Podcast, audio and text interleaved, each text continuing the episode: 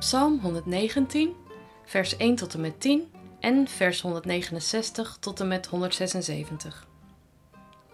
Gelukkig zijn mensen die altijd het goede doen, die leven volgens de wet van de Heer. Gelukkig zijn mensen die altijd denken aan de woorden van de Heer, die Hem zoeken met heel hun hart. Nooit zijn ze bezig met slechte dingen, maar ze doen wat de Heer wil. Heer, u hebt aan de mensen uw regels gegeven. Zo weet ik wat ik moet doen. Ik wil leven volgens uw wetten en dat volhouden, elke dag weer. Als ik steeds denk aan uw opdracht, dan doe ik niets waarvoor ik me moet schamen. Ik leer van u wat goed en eerlijk is. Daarom dank ik u met heel mijn hart. Ik wil me houden aan uw wetten. Verlaat me toch nooit. Hoe kan iemand vanaf zijn jeugd goed leven? Door te doen wat u gezegd hebt, Heer. Met heel mijn hart zoek ik u.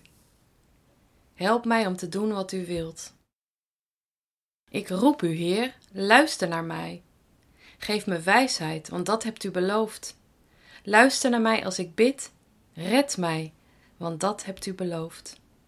Ik ben u dankbaar. Ik zing de hele dag, want u leert mij uw wetten. Ik zing een lied over uw wet, omdat uw regels eerlijk zijn.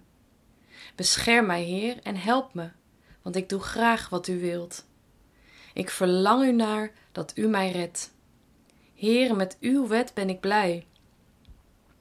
Geef me kracht om te leven. Dan kan ik u danken met een lied. Help mij met uw wetten. Help me, Heer, als ik in gevaar ben, want ik wil u dienen. Ik vergeet uw wetten niet.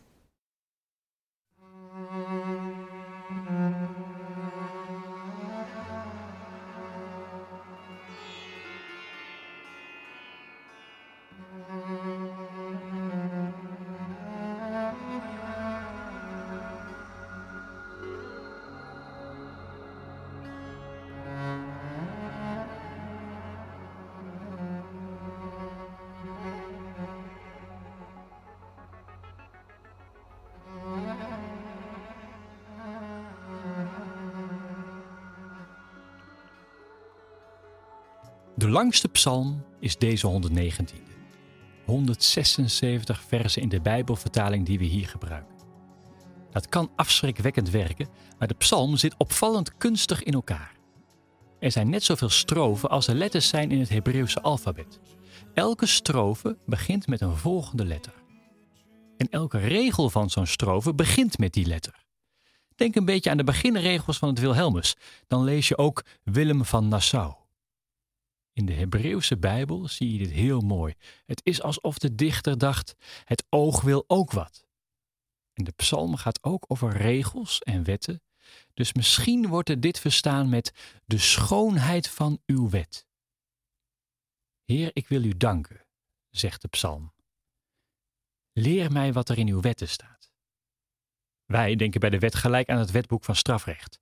Daar moet je ver van blijven, zo is de heersende gedachte. Wie wordt daar nou vrolijk van?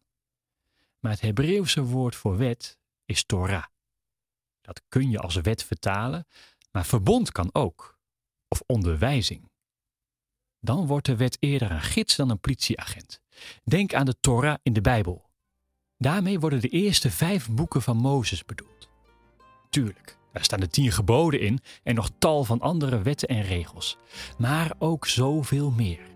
Zoveel verhalen over God en mensen, over uittocht en bevrijding, over het leven zelf.